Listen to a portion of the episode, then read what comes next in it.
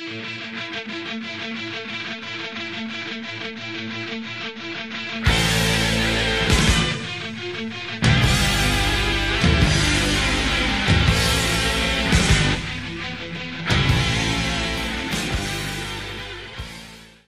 og velkommen til vår podkast 'Psykologi og fremmedspråk'.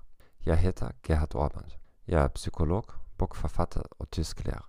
Denne podkasten hjelper deg å forbedre språkferdighetene dine, uansett om du er nybegynner eller profesjonell. Jeg er ikke ekspert på norsk. Du har selvfølgelig allerede forstått dette. Vær tålmodig med meg. Men jeg lover at jeg skal bli bedre med hver nye episode. Hvis du har oppdaget denne podkasten akkurat nå, kan du sjekke ut de siste episodene først. Kvaliteten vil være mye bedre enn i de første. Temaet for dagens episode er dette frykten for at andre korrigerer deg offentlig. Jeg håper at du ikke gir glipp av vår siste episode. Hvordan vet jeg at jeg har lært nok? Du kan finne alle podkastepisoder i arkivet vårt. Hvis du vil høre på denne podkasten på et annet språk, kan du gå til vår hjemmeside thegomethod.org slash podcast eller thegomethod.org slash norwegian. Saboterer du din egen suksess med å lære et fremmedspråk, og kaster du bort tid og penger på uproduktive aktiviteter?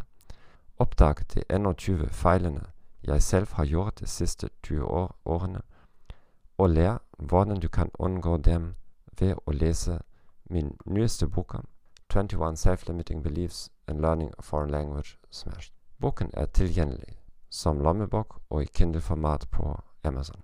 Du finner din direkte lenken her på nettstedet til podkasten. La oss starte. Frykten for at andre korrigerer deg offentlig.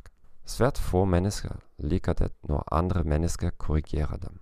Enda mindre mennesker liker det når andre mennesker korrigerer dem foran andre mennesker. I noen kulturer er dette mer akseptabelt enn i andre kulturer. Spesielt i asiatiske kulturer, men ikke bare, er det veldig uhøflig å kritisere andre mennesker offentlig. Dette betyr at vi angriper deres image, deres ansikt. Hva skal du gjøre med frykten for at andre korrigerer deg offentlig? Du må innse at dette ikke skjer veldig ofte. Mange er for høflige eller for late til å rette opp feilene dine. Selv om noen korrigerer deg offentlig, kan du prøve å innta følgende holdning. 1. Mest sannsynlig kommer personen som kritiserer deg, fra en kultur der dette er normalt. Dette er ingen hensikt å skamme deg offentlig.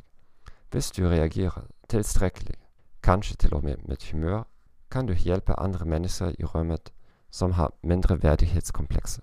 Du kan bli deres eksempel, deres helt. Be alltid personen som kritiserer deg, om å gi mer konkret tilbakemelding.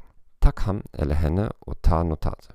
Forsøk å aktivt se etter negative tilbakemeldinger. Jo mer du opplever det, jo lettere vil det være å reagere på kritikk. Ta disse situasjonene som treningsmuligheter. Takk for at du har hørt på podkasten vår Psykologi og fremmedspråk.